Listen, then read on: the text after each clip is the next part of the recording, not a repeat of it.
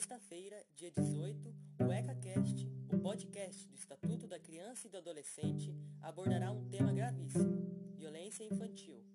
Para isso, trouxemos o presidente do ECA, Marco Antônio. Bom dia. Bom dia a todos. É sempre um prazer ser convidado. Primeiro de tudo, senhor Marco, o que é considerado violência ou abuso infantil? Bom, os maltratos infantis psicológica, sendo considerado também qualquer caso de